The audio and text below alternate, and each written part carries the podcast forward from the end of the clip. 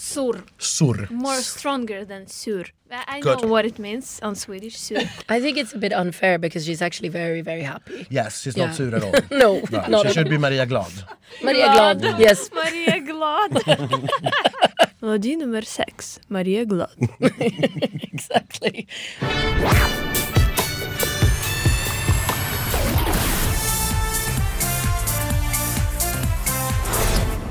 Ska sätta mig lite bekvämt här. Ja. Och sen kör vi igång det här kalaset tycker jag.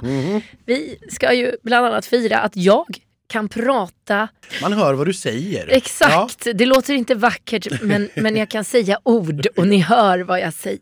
Och det, det, är en, det, är, det är en moralisk seger, det tycker jag. Det är det. Så varmt välkomna till Schlagerfesten som jag nu äntligen får välkomna er till igen. Och som jag nu äntligen får vara med i igen. Och jag, jag heter Elaine och driver ju den här podden då sen åtta år tillbaka ihop med min fantastiska kompis Anders. Anders som gillar statistik och siffror och slager. Och jag, jag gillar bara slager. Eh, Inte siffror så mycket alls faktiskt. Eh, Jag var hos läkaren idag ju som sa att Åh vad bra det ser ut i din hals. Det är ingen fara. Det kommer gå över så då vet ni det. Ja, det ser vi fram emot att få eh, höra Elaine eh, på plats från Linköping eh, dit vi ska den här helgen eh, för att titta på den andra deltävlingen i Saab Arena. Eh, ja precis, inte så lång resa och vi hoppas att jag håller hyfsat tyst på torsdagen så att vi får höra mig på fredag så vi inte har ropat hej här. Exakt, det får inte bli, bli värre igen så att säga. Men vi har ju faktiskt en dag här emellan också som är helt ledig därför att eh, vi spelar in det här då på tisdag kväll eh, och beger oss till Linköping på torsdag. Vi ska ju visserligen till Lasse-Majas däckverkstad på välkomstmingel så det känns som det kan gå vilt till. Ja, vi får se. Det är våra härliga kommunfester som gör ett litet tillfälligt eh, ja, inhopp igen här i Linköping. Eh, det ska bli väldigt trevligt att få hänga lite och mingla lite med alla innan så att säga, tävlingen drar igång. Ja, och få tillbaka våran härliga eh, video som vi brukar göra på Instagram efter de här kommunträffarna. Mm, där vi ber artister sjunga en gammal schlagerlåt. Det- Det Jajamän. blir kul. I det här avsnittet ska vi förutom att dissekera och analysera alla bidrag också träffa två av de tävlande. Vi har bjudit in både Maria Surr och Teos till vår studio. Det får ni höra då lite längre fram i programmet när de dyker upp. De är ju sist båda två så ni får hålla till godo. Startnummer 6 och 7. Precis, eh, men vi hoppar väl in i det här direkt från början. Det gör vi. Nu kör vi. Bidrag nummer ett den här veckan heter All My Life Where Have You Been och framförs av ett bekant ansikte, Victoria. Precis, Victoria. Hon eh, känner vi igen tidigare från Melodifestivalen flera gånger. Hon har numera hunnit bli 26 år gammal. Hon kommer som ni kanske vet från Borås. Hon är ju också syster till Malin Kristin som ju tävlade så sent som förra året. Mm, gick inte så bra. Gick inte jättebra för henne. Hennes eh, historia väldigt kortfattat. Hon ställde upp i Lilla Melodifestivalen 2011. Eh, 2013 så fick hon faktiskt göra eh, en, en Eurovision-låt som heter Turn Up The Love. Och den tävlade ju inte i Eurovision men det var alltså eh, Eurovision som arrangerades i Malmö hade Telia som huvudpartner. Eh, och eh, de skulle ha en, eh, ja, vad ska jag säga? Eh, Temalåt, typ. Temalåt, ja, en si- signaturmelodi och då hette den låten Turn Up The Love som Victoria tillsammans med lite kompisar gjorde. Det i sin tur ledde till att hon fick göra en sommarturné vilket i sin tur ledde till att hon fick ett skivkontrakt med Moonman Records som ju då ledde till att hon till slut hamnade i Melodifestivalen 2016. Just. Senare samma år så fick hon göra den svenska rösten till Moana, eller Vaiana tror jag den heter på svenska. Ja, den här animerade filmen. Och eh, 2017 var hon tillbaka på melloscenen. Sen såg vi henne igen i melloscenen 2019. Eh, hon har ju, det har ju gått väldigt bra. Hon har gått till final eh, alla gånger. Ja. Eh, direkt till final dessutom. Just det. Eh, och eh, det är ju en liten skara människor som har lyckats ta sig direkt till final fyra gånger. Hon har chansen att göra det nu. Eh, hon slutade fyra med Save Me, sexa med As I Lay Me Down och sexa med Not With Me 2019. Den här låten den handlar om att hon nu är kär. Är hon det. Och den Ja. förra låten handlade ju om att hon var nydumpad och, och, och, och olyckligt kär. Ja, men nu är hon Nu har kär. det vänt. Nu har det vänt. Ja, vad härligt. Ja, hon är ihop med ett hockeyproffs. Eh, Klara Hammarströms eh, kille och Victorias kille är ju goda vänner där borta. Eh, Spelar i NHL båda två. Ja, och hon har varit en hel del nu i USA och träffat musiker och fått uppträda och spela lite grann där borta också. Precis. Eh, ska sägas. Den här låten då är skriven utav Herman Gardarve, Patrik Sean och Melanie Webe förutom Victoria själv. Det här är ju ett gäng som vi känner igen framförallt då från Move 2020 som ju tog hem hela eh, Melodifestivalen. Tjottaballongen. Ja, ja eh, Melanie eh, kommer ju tävla själv nästa vecka. Just och det här det. kommer vi märka är lite av ett tema den här veckan. Låtskrivare som också tävlar själva. eh, men henne får vi se nästa vecka i hennes låt. Patrik Sean har ju också tävlat själv Ja. eh, tidigare. Och- 2021. Ja, och de här har varit med i olika låtskrivarkonstellationer tidigare i Mello. Vi har ju fått förmånen att höra eh, den här låten idag. Det har vi. SVTs uppspelning. Vad tycker vi? Jag tycker nog att det är hennes sämsta hittills om jag ska vara ärlig. Hon gjorde ju debut samma år som vi gjorde på den här turnén. Eh, och vi har ju följt Victoria ända sedan dess. Vi hörde ju lite fåglar viska i våra öron då att det här var en debutant att eh, hålla koll på. Vilket vi ju gjorde, så vi har ju följt Victoria. K- har ju gillat allt hon har gjort hittills. Den här är jag inte riktigt lika förtjust i. Nej, det, jag håller med. Det är inte jag heller. Det här är ju, det är ju inte... Det är ju inte tydligt upptempo. Det är Nej. inte en tydlig ballad. Det ligger ju i midtempo någonstans. Eh, det här country-inspirerade liksom soundet som hon hade tidigare i SLA Me Down och Save Me. Eh, Nej, det är ju borta. Det är borta. Nu är det lite funkigt istället. Ja, snarare åt det hållet i alla fall. Jag, eh, jag läste att eh, våra frenemies schlagerprofilerna beskrev det lite grann som ett albumspår eh, på Kylie Minogue. Och det tyckte jag var en ganska bra beskrivning. Alltså, Ja. Det här är vad jag skulle beskriva som brittisk dussinpop. Ja. Ja. Eh, Det, det är deras motsvarighet till radioskval. Mm. Eh, ungefär. Och det är sånt som kan hamna på en spellista eller som kan gå på en radiostation. Ja. Som man inte byter kanal för. Men Man lite kan, som vi beskriver många låtar ja. Man Ja. byter inte men man sätter inte på den frivilligt heller. Nej, det är ingenting man går in och söker upp. Jag är, jag är också lite besviken på det här. Jag Mm. hade hoppats på att Victoria nu skulle liksom komma hit och ställa skåp. Ja för jag har också hört väldigt mycket buzz innan om att hon skulle ha en så fantastisk låt och att det här skulle kunna vara hennes vinnarår. Men nej, för mig har det här helt eh, dött ut faktiskt efter idag. Men har vi någonting om hur stagingen eh, kommer bli? Hon kommer ha med sig fyra dansare på scenen. det är i alla fall bra. vet Hon är inte ensam. Hon är inte ensam, det är ett framsteg. Ja. Eh, eh, nej, men, och, nej men någonstans där, jag, vinnare tror jag absolut inte att det här är. Eh, jag är inte övertygad om att hon är i topp fyra men hon har naturligtvis goda chanser och bra häng på det. Vi får återkomma till Ja, men bra, hon har ju sen. ett namn som folk känner igen Ja. och det brukar ju hjälpa en liten bit på väg. Ja, och det här är ju också som sagt, det är ju inte dåligt. Det är inte en låt som folk kommer att byta kanal på tvn för. På Och hon är en inte. fantastisk sångerska så jag är inte Oh ja. orolig för att det kommer bli då. folk kommer bli imponerade. Liksom. Absolut, och hon är superhärlig på scen, jättehärlig karisma. Ja. Eh, det finns ju en anledning till att hon har gått till final tre gånger i rad tidigare. Ja. Men nej, en liten, eh, liten besvikelse ändå, Mm. måste vi väl säga. Och det enas vi ju kring. Ja, det är ju roligare när vi tycker olika men nu gjorde vi inte det den här gången. Vi får väl se vad vi tycker om bidrag nummer två då helt enkelt. För du var klar med Victoria, eller hur? Bidrag nummer två heter Comfortable. Här ska vi få träffa Eden. Jajamensan, 23-åriga Eden Alm som är från eh, Hässleholm. Nej men den lilla byn känner man ju till. Ja, Hässlehulla. eh, eh, Livsfarligt ställe.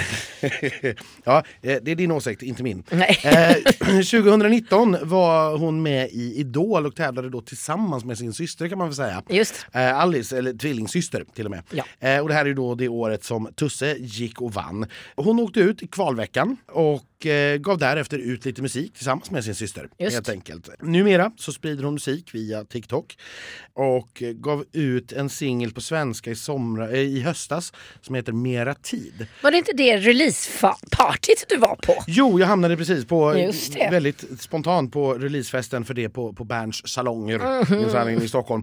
Eh, och det här var ju lite roligt därför att vi hade ju hade uppfattats lite buzz om att det här kanske var en artist som var aktuell för Melodifestivalen. Men så kom det en låt som var tre minuter lång eh, två veckor innan artistpresentationen eller någonting och då tänkte vi att ja, nej, men då blev det ingenting. Nej. Så vi var jätteförvånade när hon Ja. upp lik förbaskat. i Där här- lurade de oss kan man i säga. den här artistpresentationen. Det som är lite roligt med den här då är ju den är skriven utav Benjamin Rosenbom, Emil Adlerley och Julie Ågård. Får jag lägga in en liten grej där? Benjamin Rosenbom, det är väl Ben Tan? Ben! Eh, Precis vad jag skulle säga. Det de här tre har gemensamt är ju alla tre att de är danskar. Ja, det är också. Ja. Ja. Mm. Eh, och Benjamin Rosenbom har vi i, eh, i svenska Melodifestivalen sett när han skrev John Lundviks Änglavakt. Just det. På Eh, svenska. Ja, på svenska. Eh, men eh, han har ju också då vunnit Dansk Grand Prix i, som Ben i duon Ben Ten, ben Tan eh, som eh, sjöng låten Yes. Det var ju det inställda Eurovision-året 2020. Så han fick ju i likhet med Demames aldrig bege sig till Rotterdam. Emil Adlerley skrev också Yes Yes. eh, åt Ben Tan tillsammans med Joy och Linnea Deb om jag minns rätt. Jajamän. I han- alla fall Linnea. Han skrev också eh, Love is forever som ju faktiskt tävlade för Danmark i eh, 2019 års Eurovision. Den skrev han ju tillsammans med bland annat Melanie Webe. Ja, herregud. Eh, det är en vi- stor gryta det här. Det är det verkligen och Gryta kommer vi till sen. Exakt. Eh, Julie Ågård eh, har eh, tävlat med till exempel eh, Run to the Hills och eh, The End, Angelinos låt förra året. Och det står alltså i vårt pressmaterial att eftersom låtskrivarna är danskar så blev låten på engelska. Eh, och det var därför du konstaterade att jag, fast Ben har ju skrivit låt på svenska tidigare, men Ja. då var det ju också svenskar med. Här är det ju bara danskar. Eden gör egentligen musik på svenska, men nu var låten på engelska och då fick det bli så. Och det här tycker jag är en jättemärklig inställning. Ja, det är ju lite som att då någon har tagit den här låten och sagt Eden, gör den här låten. Och att hon då själv personligen inte har någon koppling till den alls. Så det är ju den bilden jag får då. Att liksom, Då har inte hon haft någon påverkan på det här alls. Utan bara, ja, ja okej, det, det blir bra. Ja. Det, det, det den handlar om är att eh, comfortable, alltså att hon, hon, man, stannar kvar i en destruktiv relation av ren bekvämlighet. Alltså det är jobbigare att bryta upp än att ta sig ur det destruktiva. Men och det är ju lite Edens historia vad jag har förstått när Ja. jag liksom att hon har varit i den här destruktiva relationen. Så det finns ju ändå en, en koppling. Fast det inte absolut. verkar ha funnits någon koppling. Nej, nej, jag tycker bara det är så konstigt att när man ska presentera sig för på den stora scenen, den största scenen vi har eh, och man vill göra musik på svenska och har gjort musik på svenska, då kommer en låt på engelska. Ja, och, sen, och sen hoppas att, då att publiken som gillar den på engelska ska hitta till, till ens musik på svenska. Ja, den, den här kopplingen tycker jag är jättemärklig. Man hade kunnat bara eh, koppla in kanske en svensk eh, låtskrivare att skriva om texten till svenska. Det är ju inte jättesvårt kanske. Nej, jag, jag vet inte. Jag Nej, tycker bara det- det här är det- märkligt. ja. Eh, på scenen här kommer vi att få se fem musiker. Musiker säger Ja, eh, de kommer att stå och fejkspela någon sorts instrument, stråkar eller annat. Ja det får vi väl hoppas att de inte bara står där utan instrument. De här är musiker hörni. Står de. Eden är också eh, den första tävlande i Melodifestivalen som identifierar sig själv som bigender, alltså tvåkönad. Vilket innebär att både pronomen han och hon kan användas kring honom eller henne. Okej. Eh, ja. eh, och det här är, kan vara lite förvirrande för en del men det behöver ju inte vara så svårt. Utan han eller hon funkar och så behöver vi inte tänka på mer på den saken. Nej, eh, vad tycker vi om låten då Anders? Jag tycker att den, den har någonting. Den är väldigt, väldigt fin. När den börjar så känner man att men, men här, här skulle ju kunna hända någonting. Det, där, det här magiska som bara kan hända i en direktsändning. Hon har en otroligt skör och spröd fin röst. Och sen så när låten liksom har varit igång ett tag så inser man nog att fast det är nog inte det bidraget som händer. Det som händer till exempel för eh, Marie Lindberg eller Ellen Benediktsson med Songbird. Eller det här när det bara kommer från ingenstans och helt plötsligt bara finns där. Det, det är nog inte den. Nej. Jag tror inte det. Men med det sagt, jag är väldigt, väldigt förtjust i hennes röst. Mm, och jag är väldigt förtjust i melodin i den här låten. Jag tycker att den är jättefin. Men jag är ju rädd för att man kanske tycker att det blir tråkigt. Om inte hon totalt fångar den som sagt. Det, det är ju jättesvårt. Jag tycker det är svårbedömt.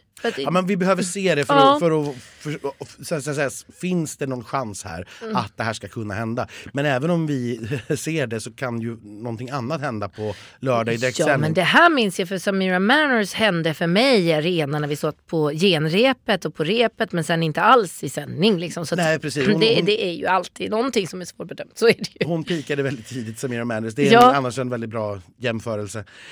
Ja, nej, men vi får se. Jag tror att den får det väldigt, väldigt svårt.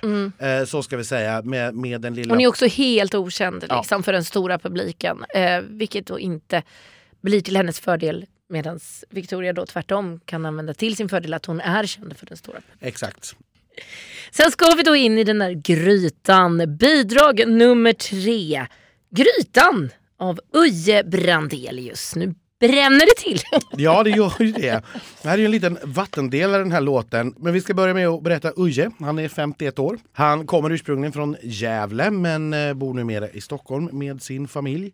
Före nio års ålder så flyttade han runt väldigt, väldigt mycket med familjen. Han har bott uppe i norra Stockholm på olika platser. Han har bott i Umeå, han har bott i Jokkmokk. Oj. Namnet Uje är ju lite speciellt. Vet du varifrån det kommer? Nej. Det kommer ifrån hans föräldrar som heter Ulla och Jerker. Jaha. Som han satt ihop och så blev det Uje. Gulligt ändå. Ja men lite fint.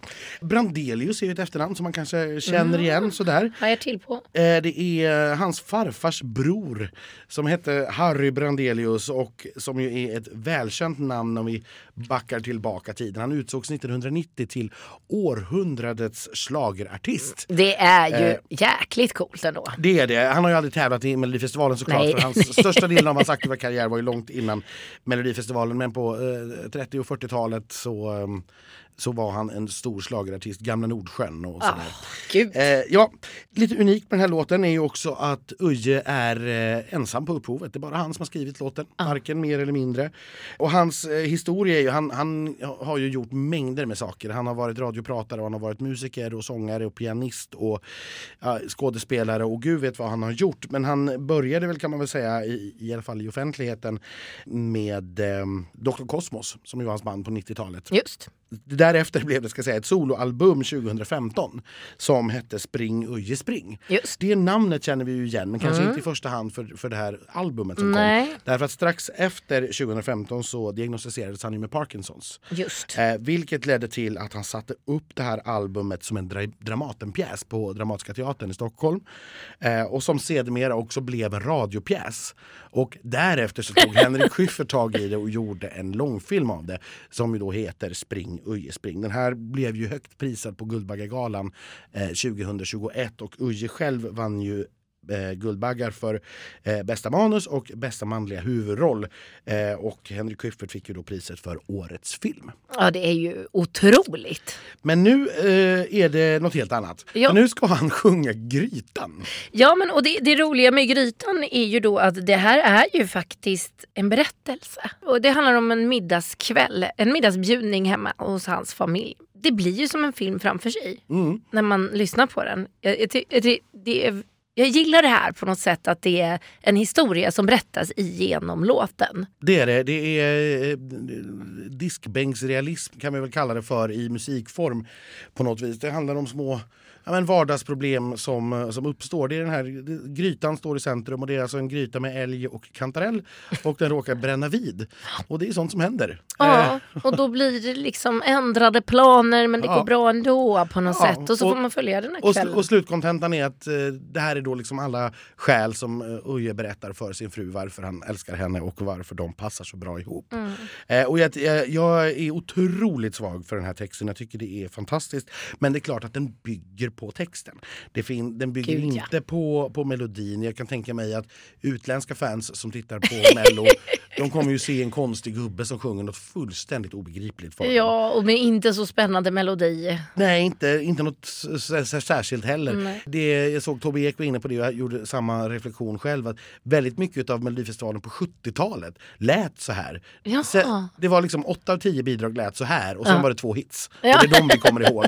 Men jättemånga såna här låtar handlar om just ja, men hur jobbigt och kämpigt allting är och så vidare. Ja. Han kommer på scen ha eh, tre stycken livekör och det är lite ovanligt. Jo. Men det kommer vi faktiskt få se i fler nummer eh, den här veckan. Livekör Men ingen kock som står med en gryta då eller? Eh, det, hopp, det, det, står ju ingenting om rekvisita men det hoppas jag verkligen inte.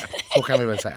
Fast vi fick ju faktiskt en korvkiosk hela vår Benny så man vet aldrig. Ja, nej, nej, jag har svårt att tro att Guldbaggevinnaren Uje Brandelius kanske drar in liksom Werner och Werner. Nej, men, ja, jag, tror, jag tror att det här är helt chanslöst. Ja, eh, det är det nog. Eh, och när jag har sagt det så vill jag säga att framför mycket mer sånt här i Melodifestivalen, när vi har 28 bidrag Ja. så måste det få finnas plats för sånt här som sticker ut och som är till bara för deltävlingen. Mm. Eh, och det, där hade vi Tenori förra året. Ja. I någon mening kanske Eva och Eva förra veckan kan räknas dit. Det är bara att då ska det vara en roligare artist som man ser fram emot. Ja. Eh, som vi inte har sett liksom två år i rad tidigare. Ja. Men eh, briljant att det här får vara med. Jättekul, jättebra. Eh, tävlingsmässigt tror jag det är stendött. Ja, nej, jag tycker den är så himla mysig men eh, också förstås vet jag ju, den är ju chanslös. Och det gör inte mig så mycket. Jag tycker den är mysig och, och rolig och det får den vara. Sen är jag nöjd där. Ja, Mm. gå snabbt. Det, man får hänga med i svängarna. Du hatade den vid lunch. Nej, jag Jo, hatade Det var den. ganska exakt de orden du använde. Nej, jag faktiskt. sa inte att jag hatade den. Jag sa usch för grytan. Men okej, den är ju ganska mysig. Så sa jag. Nu ska vi faktiskt inte förvränga mina ord, Anders. Nej, nej. Jag letar fram chattkonversationen. Det står inte att jag hatar grytan. Usch för Victoria och Uje. Jag gillar Uje. Nej fy, men bra att vi tycker olika ibland också. Blir roligare podd så. Ja, Ja. så jag skrev inte till dig att den var mysig men jag vill påpeka att jag sa till dig tidigare idag, okej den är ganska mysig. Nu har vi rätt ut det här. jag kan inte... Jag ligger i underläge för jag kan inte prata ordentligt. Nej, nej. Nu har vi rört om i grytan tillräckligt. Nu går vi vidare. Vi går min väg. On my way är bidrag nummer fyra. Framförs av Panetos som vi har lärt oss att uttalas. Precis, inte Panetos som alla säger. Nej. De har fel. Eh, sitter ni hemma så kan ni rätta era vänner framför tv-soffan och vara lite besserwissrar. Jag är ju det till, eh, till vardags. Så att, eh, det är en härlig känsla. Jag Ja, kan- ja. men vet du, vad namn, vet du varför de heter Panetos? Det vet jag faktiskt. Ja, och det är därför det också blir naturligt att det ska uttalas så. Berätta. Precis, det är ju eh, de originalgruppmedlemmarnas förnamn. Pamoudou Badie och Neb Nebuyo Bahero och en Tobias. Ja, och då blir det längre. Pa Nebuyo Tobias Panetos. Helt enkelt. Panetos. Tobias är inte med i, i bandet längre. Numera består ju bandet utav Pamoudou Badie, Nebuyo Bahero, Johan Hirvi, Njul Badie och Daniel Nzinga. Flera utav de här är ju också med på upphovet. Om jag har räknat rätt så är det bara Johan Hirvi som inte är med på upphovet. Nej men stackarn. Men vi har istället lagt till, och det är inga dåliga namn ska jag säga det, Jimmy Jansson, Robert Norberg och eh, Anders Vigelius.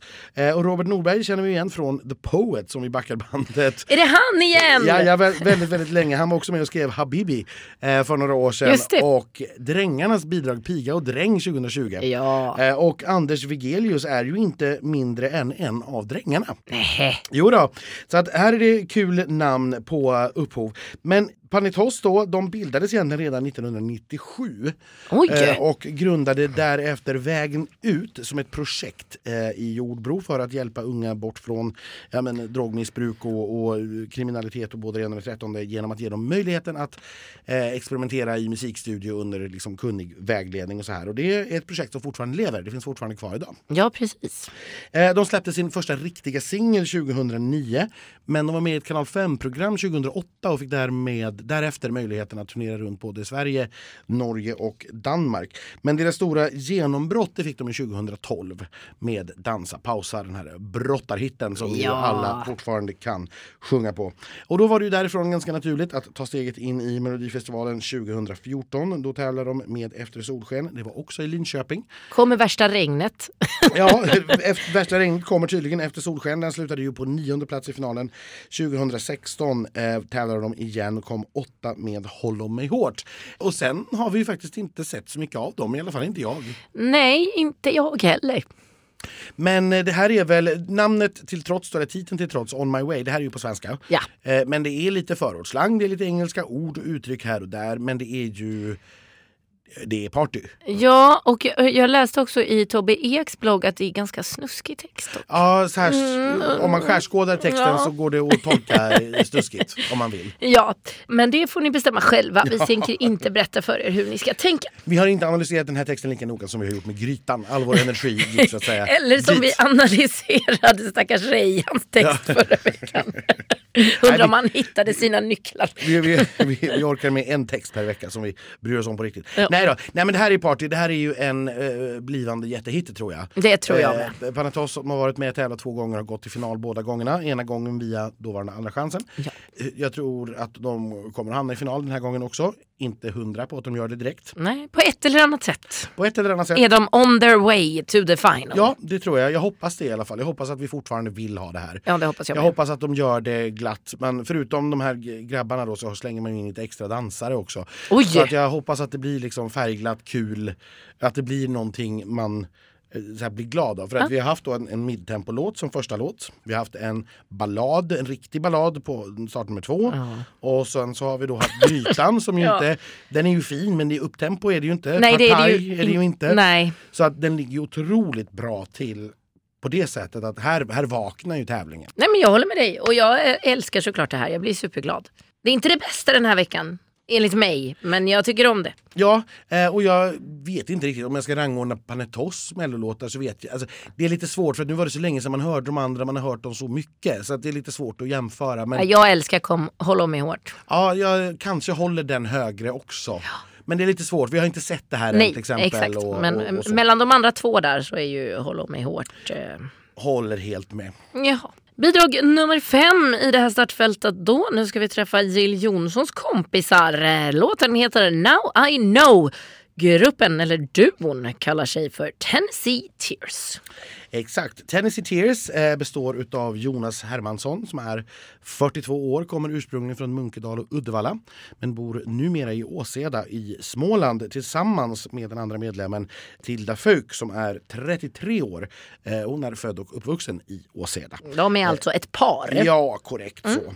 De grundade den här duon, eller bandet, för åtta år sedan. De har vistats väldigt mycket i Nashville och har skrivit och uppträtt där med en massa kända artister som jag förmodligen inte Ja, jag ska inte rabbla dem för jag vet knappt vilka de är i alla fall. Det här är inte riktigt min musikstil, det är inte riktigt min hemmaplan. Country är inte din hemmaplan. Nej. Nej, precis. Eh, här hemma har de väl uppträtt mer på pubbar och barer runt om i Sverige. Men de har väldigt mycket liveerfarenhet. Men då från naturligtvis mindre lokaler. På upphovet på den här eh, låten, förutom då Jonas och Tilda själva, så har de tagit lite proffshjälp här av Anders Wrethov som vi ju känner igen. Eh, som eh, ja, i ra rasande takt eh, går upp mot så säga, rekord på rekord på rekord. Han har, just nu är han faktiskt uppe i sju bidrag i rad direkt till final eftersom Tone gick direkt till final förra helgen. Eh, och då, får vi, då får vi räkna in hela 2022 års bidrag och dessutom hans sista bidrag 2021. Åh, eh, men sju stycken i rad är han uppe i. Thomas Stengård eh, som väl är mest känd för att ha skrivit Only Teardrops. Men han har skrivit många eh, Eurovision-låtar men däribland då vinnaren Only Teardrops är också med på upphovet. Här har vi enligt vårt pressutskick och pressmaterial lite där långsökta mellokopplingar till framförallt Tilda. Ja. Eh, Det visar sig nämligen att hon är skolkamrat med Torleifs son. Ja. Eh, Och förstår du, också klasskamrat i skolan med Sianas stora syster. Eh, för den som kommer ihåg Sianas Alla mina bränder heter den väl? ja, just det. Ja. Just det. Ja, ja, ja, med Anis. Just precis så. Mina bränder. Ja, eh, Så att, eh, ja, nej, men det här är, är bakgrunden. Och det här är ju då countryinspirerat. De är, det, ska vi säga, det första bandet som är signat på Jill Johnsons bolag. Det är därifrån eh, det, vi säger att det är Jill Johnsons kompisar. Ja, precis. Gillan har tagit sig dem under sina vingar. Exakt så. Ja. Och ja, country är det ju. Det är det. Fast det är ju, moder- alltså det är ju radio country. Det är ju Mm. Smith Tell. Ja, det försöker i alla fall sikta åt det hållet så får Ja. ni en, en uppfattning. Jag tycker också, för, för att dra parallellen till, till tidigare låtskrivare, jag tycker att det är väldigt mycket Ben Tan. Ja, det är det också. Det är det också. Men, Men det, det- Ben Tan var ju i sin tur också lite Smith Tell. Så jag menar a- det. är- Absolut, men det, det, det låter för mig som Eurovision-fan är det här väldigt danskt. Ja. Eh, det låter extremt danskt. Men då kanske det är mest Thomas låt då, tänker jag. Ja, nej, men absolut, det, kan vara så. Eh, jag tror att det hade vunnit ganska överlägset i Danmark i år. Men även här har jag dissekerat text lite grann tyvärr. Och, Ja. och det handlar ju då om att man träffades när man var barn och lekte när man bodde grannar och sen så har man hittat tillbaks eh, till varandra när man är vuxna och då insett att man är kära i varandra. Ja, Det är fint. Det är lite som en Hollywoodfilm. Ja, men det är mysigt. Ja, absolut. Men jag vet inte. Ja. Jag eh, trampar takten lite gran till det här. Jag tycker att det men var oförväntat bra. För de här är ju helt okända. Mm. Mycket bättre än vad jag hade läst mig till på förhand. För jag tyckte bara, du vet, Nashville och country och massa svåra bluegrass-namn och så. Och jag kände att, nej men, nej, kände jag. Men det var, jag tycker att det här är ganska bra till Ja. och med. Mm. Jag ska säga att de kommer ju ha en bandsättning på scen. Det kommer att vara eh, ja, musiker bakom som sitter och fejkspelar och så ska det se ut som att man är ett helt band. Det blir många i baren.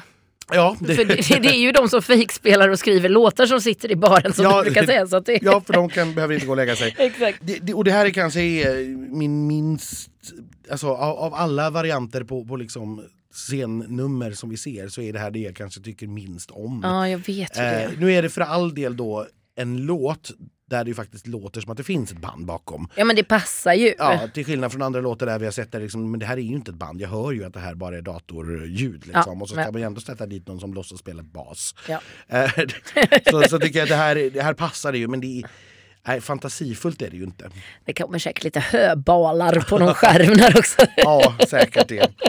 Nej, men jag tror ändå att det här har, en, eh, har häng på semifinal. Jag tror inte att det här är uträknat. Nej det tror Eh, inte jag Det här är heller. liksom eh, vältrampad mark, det här är musik som folk känner igen från P4, från kommersiell radio. Mm. Ja, men det, här är, det här går hem i stugorna, det tror jag. Det tror jag. jag. Jag tycker också det här är glatt och käckt och härligt. Bidrag nummer sex sen. Eh, här blir det lite mer känslosamt. Vi ska till en av artisterna vi har träffat den här veckan. Det är Maria Surr. Hennes låt den heter Never Give Up. Precis, och nu blir det tävling på riktigt. För det här är ju faktiskt den som just nu är favorit på oddsen att vinna hela årets melodifestival. Ja, den ligger över Loreen till och med. Ja, till och med det. Eh, Den, den har flyttat lite på sig under dagarna fram och tillbaka så att ja, de ligger ungefär jämsides kan vi säga. Men det är alltså en av två väldigt tydliga favoriter att ta hem årets melodifestival. Och då blir det ju naturligtvis extra intressant för oss. Eh, vi ska berätta lite kort om vem Maria är. Hon är 18 år, hon fyllde 18 på nyårsafton faktiskt. Eh, Hon kommer ifrån Zaporizjzja i Ukraina och eh, hon bor ju då numera i Sverige. Och det blir ju då helt enkelt naturligt den första frågan. Ja, hur hamnade du i Sverige? Okay, short version. uh, I, I came to Sweden because of my situation in my country. That's why my aunt live here, so that's why we are here with my mom. And uh, yeah, just when we came, I started ne- just next day. I started think, what can I do here? I need some advices from someone who who into this business, music business, and I started reaching out so many people. I started writing to them, like asking for advice. I, I wrote like literally to everyone. like I at first I googled them and then I was like just started uh, writing and I think you know that Sarah Donfiner. Uh, she answered me and uh, yeah through her she she was like my mentor she was the first uh, person who opened the door for me here and uh, yeah thanks to her i'm uh, i got into this uh, hela Sverige skramlar for ukraine and uh, I performed there. Uh, we raised 8 million euros for Ukraine. It was a, such a huge support uh, for us. And um, after this performance at Avicii Arena, I've got signed a contract with Warner Music. Yeah, now I'm here talking with you and uh, preparing for Mello. How, how much friends and family do you still have back in Ukraine, and how often are you in touch with them? My dad, still in Ukraine, and my grandma too. And we are trying to be keep in touch as much as we can. But now it's a little bit uh, tricky because they are lost in electricity time to time. So the line is so really bad now. But we like talking every day when it's possible, really. So, what are your hopes for the future? Do you hope to? uh, I assume you hope to go back, or do you see a future in Sweden now? It's really, really hard to answer now because it's a tricky situation. And yeah, it feels sometimes it's so different. You know, today everything seems good and you feel good, but tomorrow these breakdowns and you just want to get back home, you miss. But it would be really uh, much more comfortable for me if it, it would be a peace in my country and I can be here and I can go there. Also, I can work here and do my music. And you know, it, it feels in different ways when you you just feel unstable. Yeah, of course. You know, so it's really hard to say exactly how it will be. So, tell us a little bit about the song you're competing with. I know you've said that this is your story. Yeah. How how did this song? How was it created? Because you're not on on the song writers Yeah, yeah, list. yeah. So, in, in how what, what is your story? So the song calls Never Give Up. I think it's like my motto of my life, never give up, because I've always, you know, had this such a huge dream and I've always believed in my dream and follow my dream and I was struggling with my dreams. If for example just like now I, I've been through so many not good things I can say and uh, I'm just trying not to give up and keep strong and move on and working and continue do all this stuff. And uh, this about this song it's about me it's about my way and i also want to say people from the stage that nothing is impossible that you just have to you know believe because it worked with me and it can work with everyone and everyone will listen and understand the song in their own way because this is my story yeah. I'm really thankful for this song to anders and laurel because um, you know at first i've got a song a music from anders uh, with this name never give up. Uh, we've met uh, with him before and he knows my story like we know each other. Uh, so it was the music first and i was literally i remember when i first listened the the music i was like just li- literally crying because it's so touchful for me. I was i just i just felt this all the emotions that i had inside. And after this i just called to laurel and i told her my whole history. I mm. told her what i see at this song what it means for me and i think she felt this like for 100% right. And the lyrics it just it just me. You, you were competing in The Voice when the full scale invasion started. Mm-hmm. Was Eurovision a dream for you before that as well? I mean, as I I think Eurovision is pretty popular in Ukraine because you're so damn good at it. Yeah, to be to be honest, so so was that a dream or at least a thought that you had be, before the, the before the war started? Uh, of course, I've thinking about Eurovision for sure, but it's never been like my dream to be true because it's always seems for me like something. Wow, it's something so high, and I don't know what I need to do to to to end it to end it to there. Do you have a competitive mind? Are you a competitive person?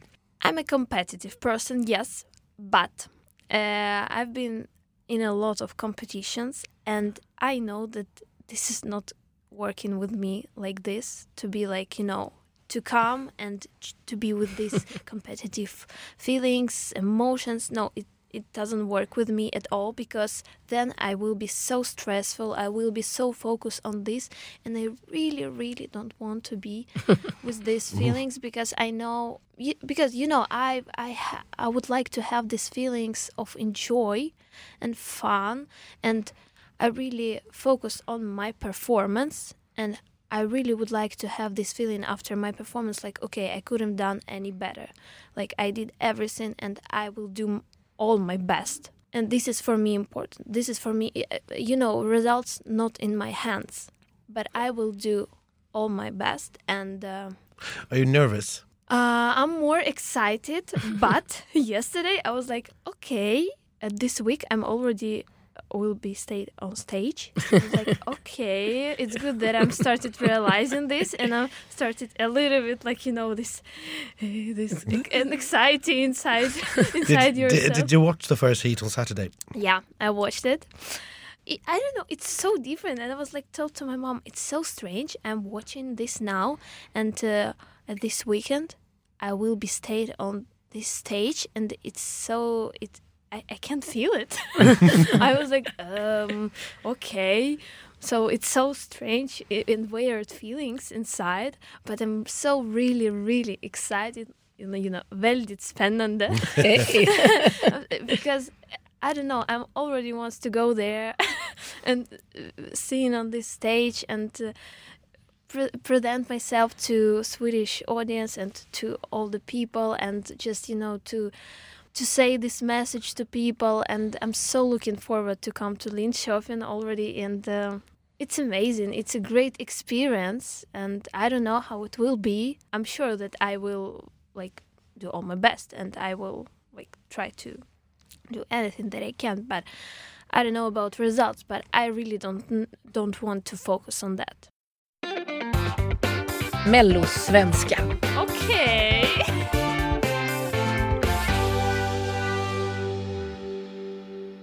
12 poäng går till.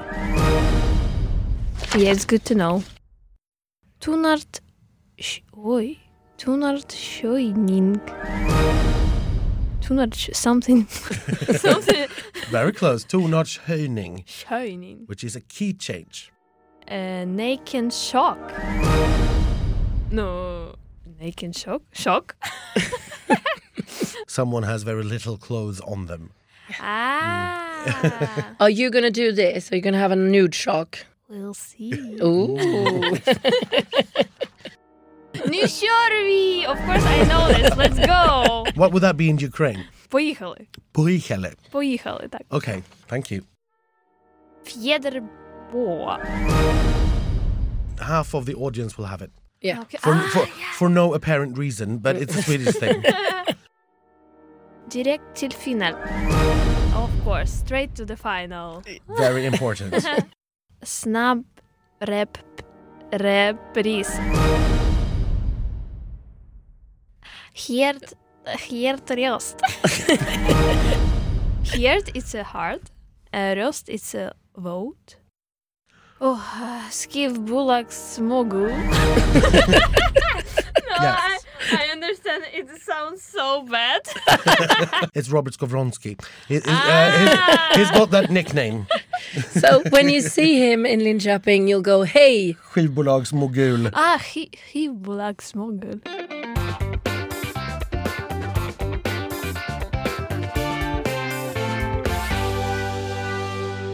Ja, Maria verkar ju vara mest inne på att eh, göra sitt bästa och inte tänka så mycket på resultat.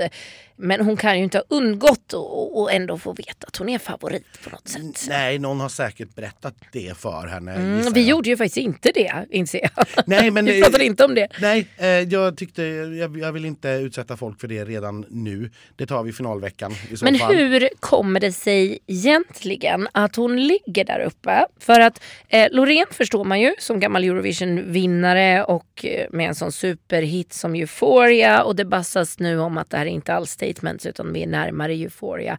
Maria Sur vet ju folk väldigt lite om men ändå hamnar hon så högt upp på Mm. oddsen. Är det på grund av historien tror du? Eller? Jag, jag tycker att det är nästan omöjligt att närma sig och prata om den här låten på ett vettigt sätt med respekt Mm. och samtidigt förbli så objektiv man kan. Också med, eh, ja, men, jag ska säga, någon sorts ja, att inte gå och bli cynisk Nej. eh, i det här. Jag tycker att det är skitsvårt och var- vi hade ju samma problem när vi pratade om Kalush Orchestra i Eurovision Ja. i, i våras. Att det går liksom inte att närma sig det här därför att det hon och hennes land är utsatt för Ja, det, går liksom inte, vi kan inte förstå det. nej. Och att hon då som, som dåvarande 17-åring helt plötsligt får flytta till Sverige. Det, det, det är bara så fruktansvärt. Men som tv-tittare när jag då ska värdera det här mot Panetos. nej, det går Så inte. här, nej, jag, jag, kan inte, jag tycker det är så fruktansvärt svårt att prata om det här. Ja, nej det går inte. Det, det spelar liksom ingen roll vad man tycker om låten eller vad man tycker om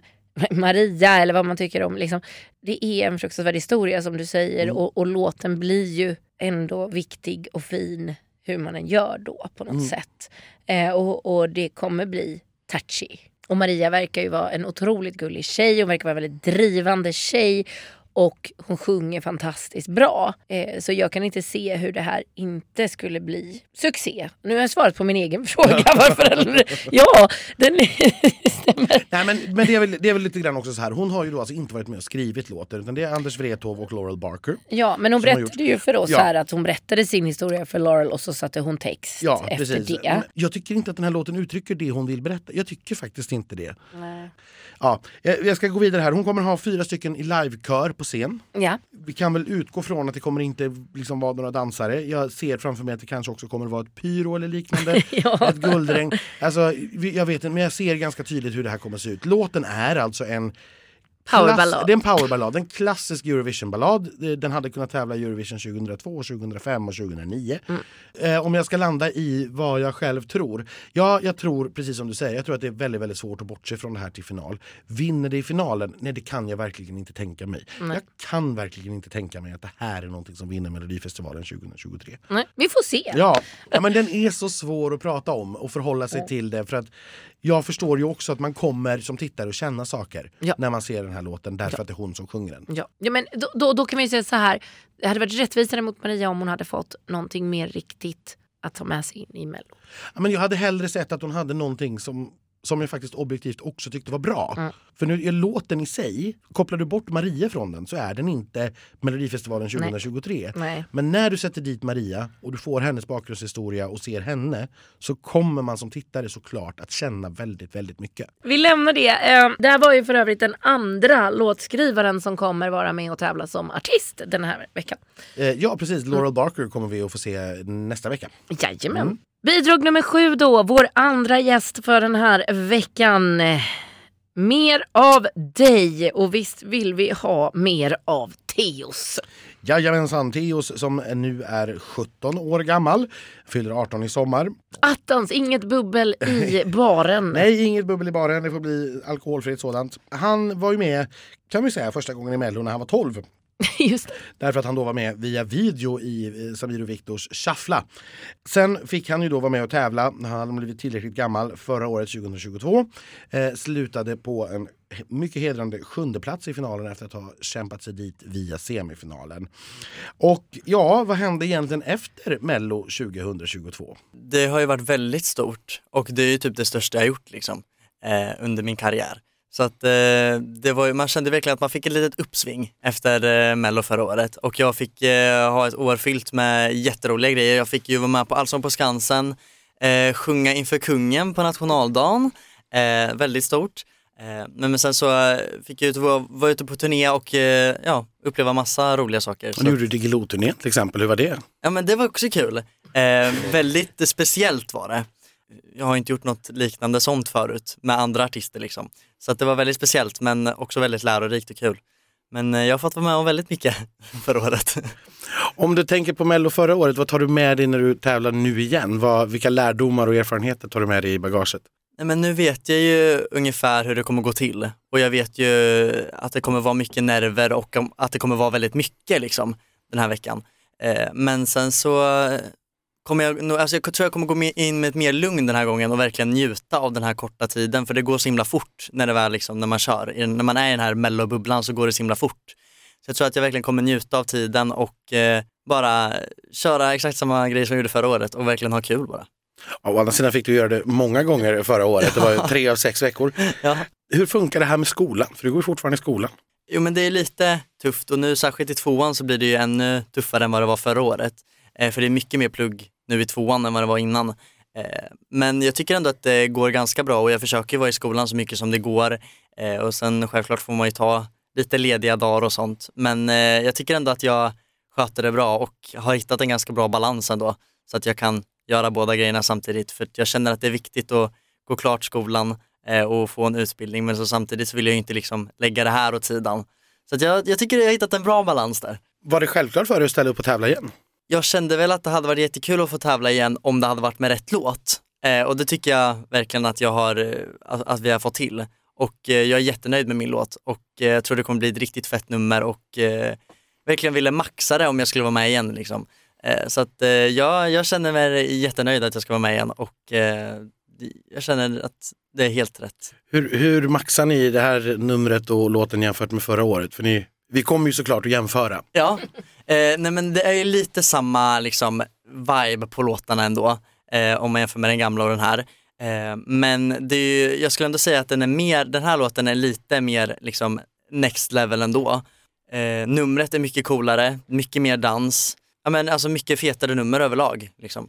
Jag hoppas att man kommer se att det är lite skillnad från förra året i alla fall. Kan det du avslöja några detaljer? Ja.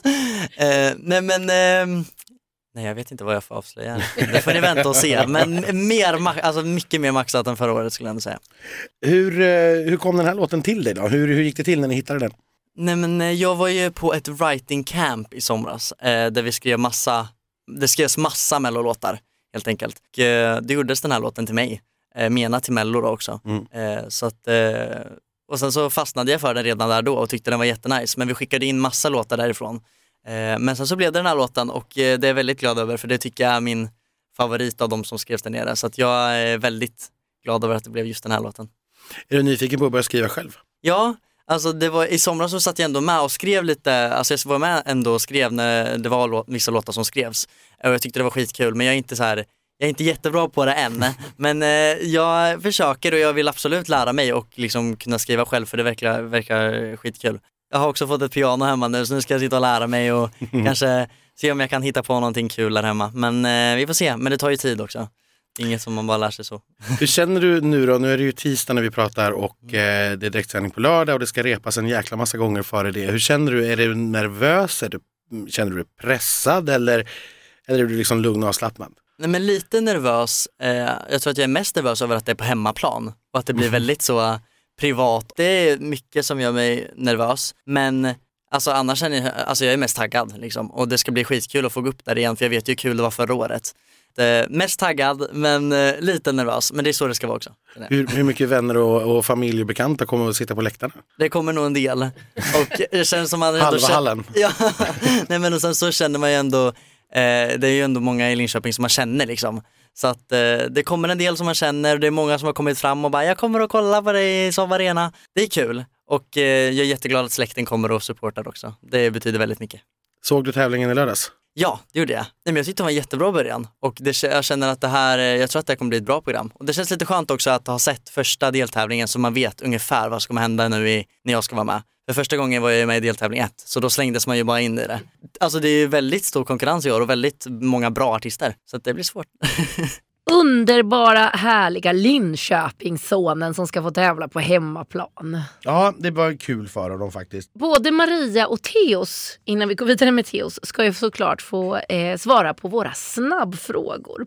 Och den första frågan till Maria var ju, om din låt var en dryck, vad skulle det vara då? I think it would be a, a water or a drop, raining drops. Raindrops. Yeah, I think it's, it's gonna be a raining drops. What world superstar would want to do this song? Maria Sur. Ah. Very good answer, have Very to say. good. She's clever this one. When, when, when is the best time, the best moment to put this song on? When is the best time to listen to it? on Eurovision 2023. Ah, See? She's too smart. she's very clever. Yes. Och Theos fick eh, på samma ämne frågan om det var godis eller snacks, vad vore låten då? Hmm. Ja men de här gröna god, grodorna typ, kanske. Nej men eh, det gröna får ni se sen. Eh, men eh, jag tänker att det är mycket dans och glädje liksom i numret, så då tänker jag de gröna små gelégrodorna kanske. Det var en Vilken- fråga. Vil, vilken annan stor artist hade, eller världsstjärna hade kunnat göra den här låten? Ja men kanske typ eh, Danny Saucedo kanske, någon sån. När passar låten bäst att lyssna på? När man vill få energi, om man vill bli glad, då känner jag att den här låten kommer vara perfekt. Eh, för den har väldigt mycket energi i sig. Så att, eh, och när man, vill ha, när man vill dansa kanske lite också, då, då kan man sätta på den här låten.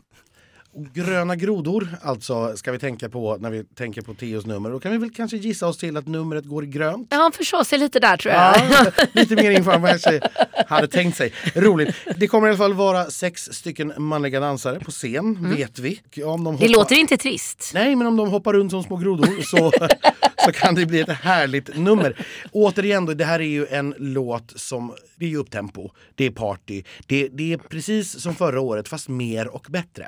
Jag tycker att det är, eh, det är ju eh, som du vill 2.0. Alltså den här är så maffig och häftig. Den är mer av Teos, den är mer av bas, den är mer av allt. Jag älskar den här låten.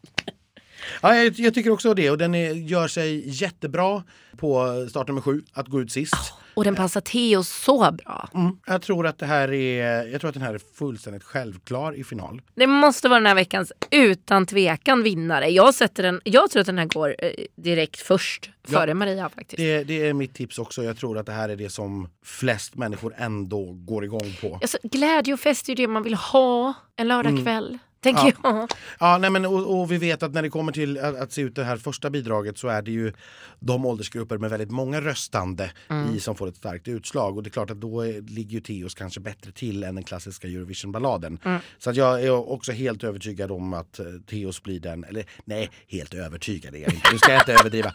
Men jag tror, det är mitt tips. Innan, innan vi har sett någonting så är det mitt tips också att han är den som kommer att ropas upp som, som vinnare först. Och något mer behöver vi faktiskt inte säga om Theos för han sa väldigt mycket om sig själv och ni vet mycket. Vilka har skrivit låten? Jo men här har vi ju samlat ett proffsteam får man ju säga. Dels har vi Thomas Gesson som eh, han gör sitt 66 bidrag. Sjätte sjätte. Och det kanske heter 66 kommer jag på nu. Ja, jag. Eh, det är så höga siffror som man använder det liksom aldrig. Nej. Eh, Peter Boström är med eh, och han har, gör sin 23 eh, bidrag här. Och sen har vi dessutom Axel Skylström. Det här är hans fjärde bidrag som han är med på upphov och han tävlar ju också själv som artist. Men honom får vi vänta på i två veckor. Ja. Ja. så vi har tre stycken låtskrivare den här veckan som också kommer tävla som artister senare. Jajamensan. Med på upphovet har vi också avslutningsvis Jakob Retzer som till exempel var med och skrev Cassiopeia. Ja, vi får inte glömma stackars Jakob. där. Nej, det var en trevlig prick minns jag. Ja, det är han. Thomas Gesson måste vi ju faktiskt också nämna eh, efter de händelserna som var i... Ja men herregud. Ja, eh, det, det här blev ju väldigt rörigt. Alltså för er som tittade på SVT Efterfest, alltså det här programmet som går efter eh, själva sändningen med Linda Bengtzing på SVT Play, så kunde man se medans eh, Linda och Jesper med flera stod i green room och pratade hur Thomas Gesson ganska bryskt blev bortförd av säkerhetsvakter ur green room. Ja, för först klev han ju in där och skulle Ja. hälsa och gratta folk och då tänkte vi ja, ja, men det får han väl göra. Eh, men det fick han då inte, för sen kom ju vakterna då och det blev ju eh, dels en chock för de som var i green room och dels för oss som tittade på det här. Ja, eh, och sen började det ju då genast snacka om att var det här riggat? Eh, och eh, ingen kunde liksom, eh, ingen sa någonting. Det dröjde flera timmar innan SVT bekräftade till Aftonbladet att jo men det, det, det var riggat, det fanns en Ja, men det vart ju också extra konstigt för att SVT la upp klippet på sin Instagram för att ta bort det typ tio Ja. minuter senare. Exakt. Ehm, och då blev man ju ännu mer såhär, gud där var det någon som la upp en skandal de inte skulle ha lagt upp och så fick de ta ner den och då kändes det ännu mer på riktigt. Ja. Och, ja, det var väldigt konstigt. Men nu har man ju då klargjort det här i alla fall. Jesper Rönndahl har gått ut på Melodifestivalens Instagram och, och klargjort att nej men det här var ju en del i, i en kul grej. En Eh, följetong verkar en, det fö- en följetong precis och att förklaringen kommer senare Mm. eh, under turnén. Så att det här var nog, eh, det, som sagt, det, det blev lite större än vad de hade tänkt sig. Det var, bara en, det var tänkt som en liten del som egentligen ingen skulle notera eller som bara vi skulle skratta lite åt och så skulle det få sin förklaring sen. Nu blev det en riktig nyhetshändelse istället och Ja. då blev det helt Det, fel. det, de, någon tänkte, det blev lite dumt. Ja, det blev lite Eh, dumt. Men de, dessutom så är ju vad jag förstår reaktionerna från alla utom typ Jesper i green room äkta. För att det var väldigt, Ja. väldigt, väldigt få människor som var med på den här grejen. Just för att det skulle bli äkta reaktioner. I klippet ser vi både att Linda Bengtzing som har jobbat jättemycket med Thomas Ja. eh, och Viktor Krone och sådär, ja, de ser ju jättechockade ut. Ja. Men ja, hur som helst, då har vi pratat om den saken också. Vi får väl se om den får sin fortsättning redan nu i Linköping. Ja, eller jag, om man tycker inte håller på det, det här ja, med- nej, jag tycker inte den känns klar. Alltså, jag tycker inte den känns kul och klar trots det här från Jesper. Men vi får väl se vad jag tycker senare. Ehm, Ja, det gick, skämtet gick i alla fall inte som det skulle, så kan vi väl säga. Nej, och det kan ju hända oss alla för, Eh. Ja, för all del. för all del. Men då så ska vi stänga den här boken för nu. Här är det stora slagerslaget och veckans deltagare heter Tips. Det stora slagerslaget! Hur gammal var Victoria när hon tävlade första gången 2016? Eh, 19? Faktiskt helt rätt. Oh! Vilken? Annan musiktävling har vi sett Eden i? Idol? Bra. Vad heter Ujes band? Nej, jag vet det här. Dr. Kosmos? Duktigt. Panetos första bidrag i Mello var 2014. Vad hette den? Jag vet, Det var också i Linköping faktiskt. ja, men jag vet inte jag vet vilka två det är, men nu håller de mig hårt. Nej. Nej, efter solsken. Ja. Fan, det var två att välja mellan. Tennessee Tears har gjort mycket musik i countryns hemstad och staden som också är huvudstad i staten Tennessee. Vad heter den stan? Ingen aning. Nashville. Maria Sur har också en känd sångerska som mentor och den som hjälpte henne till en karriär här i Sverige. Vem är det? Är det Sarah Dawn Finer? Skickligt. Ja, jag tycker ändå att det var bra. Ja, det där det gick bättre än för de flesta, så kan vi väl säga. Jäklar vad duktig han var du. Ja, alltså han är ju nya Liam och Liam har ju vunnit st- Stora Schlagerslaget två gånger. Ja. Båda gångerna han har varit med. Det känns som att Theos har en chans här nu när inte Liam är med och eh, går ut starkt alltså. Ja, nej, men det, det, det, det är kul tycker jag när de vet saker om varandra. För jag, de har ju en väldigt god stämning bakom scenen. Man hörde ju också här att Theos verkar ju vara lite av en tävlingsmänniska. Ja, absolut. Så att, eh, ja. Eh, Är, är du det så att du känner dig rädd för att tippa? Jag är inte rädd. Det, jag upprepar det jag sa förra veckan, att det här att göra det på första lyssningen osett. Det, det, vi, vi kan skikta det ganska väl. Jag, jag, som sagt, jag, jag börjar med några fasta hållpunkter och jag säger att jag tror inte att vare sig Uje eller Eden har en chans att ta sig till topp fyra. Eh, jag är helt säker på att Theos är i topp två. Eh, och om vi utgår därifrån, så vem ska då få den andra finalplatsen? Men där, jag hoppas att det blir Panetos, men jag kommer att plutta dit Maria. Och till semifinal sätter jag då Panetos och jag tror att jag landar i Victoria ändå och sätter eh, Tennessee Tears då på en, ja förmodligen femte plats men det är mindre viktigt. Ja. Eh, så det, det, det är nog där jag landar nu och det finns ju då en, en liten kognitiv dissonans här mellan vad jag själv vill och vad min, min hjärna så att säga tänker fram.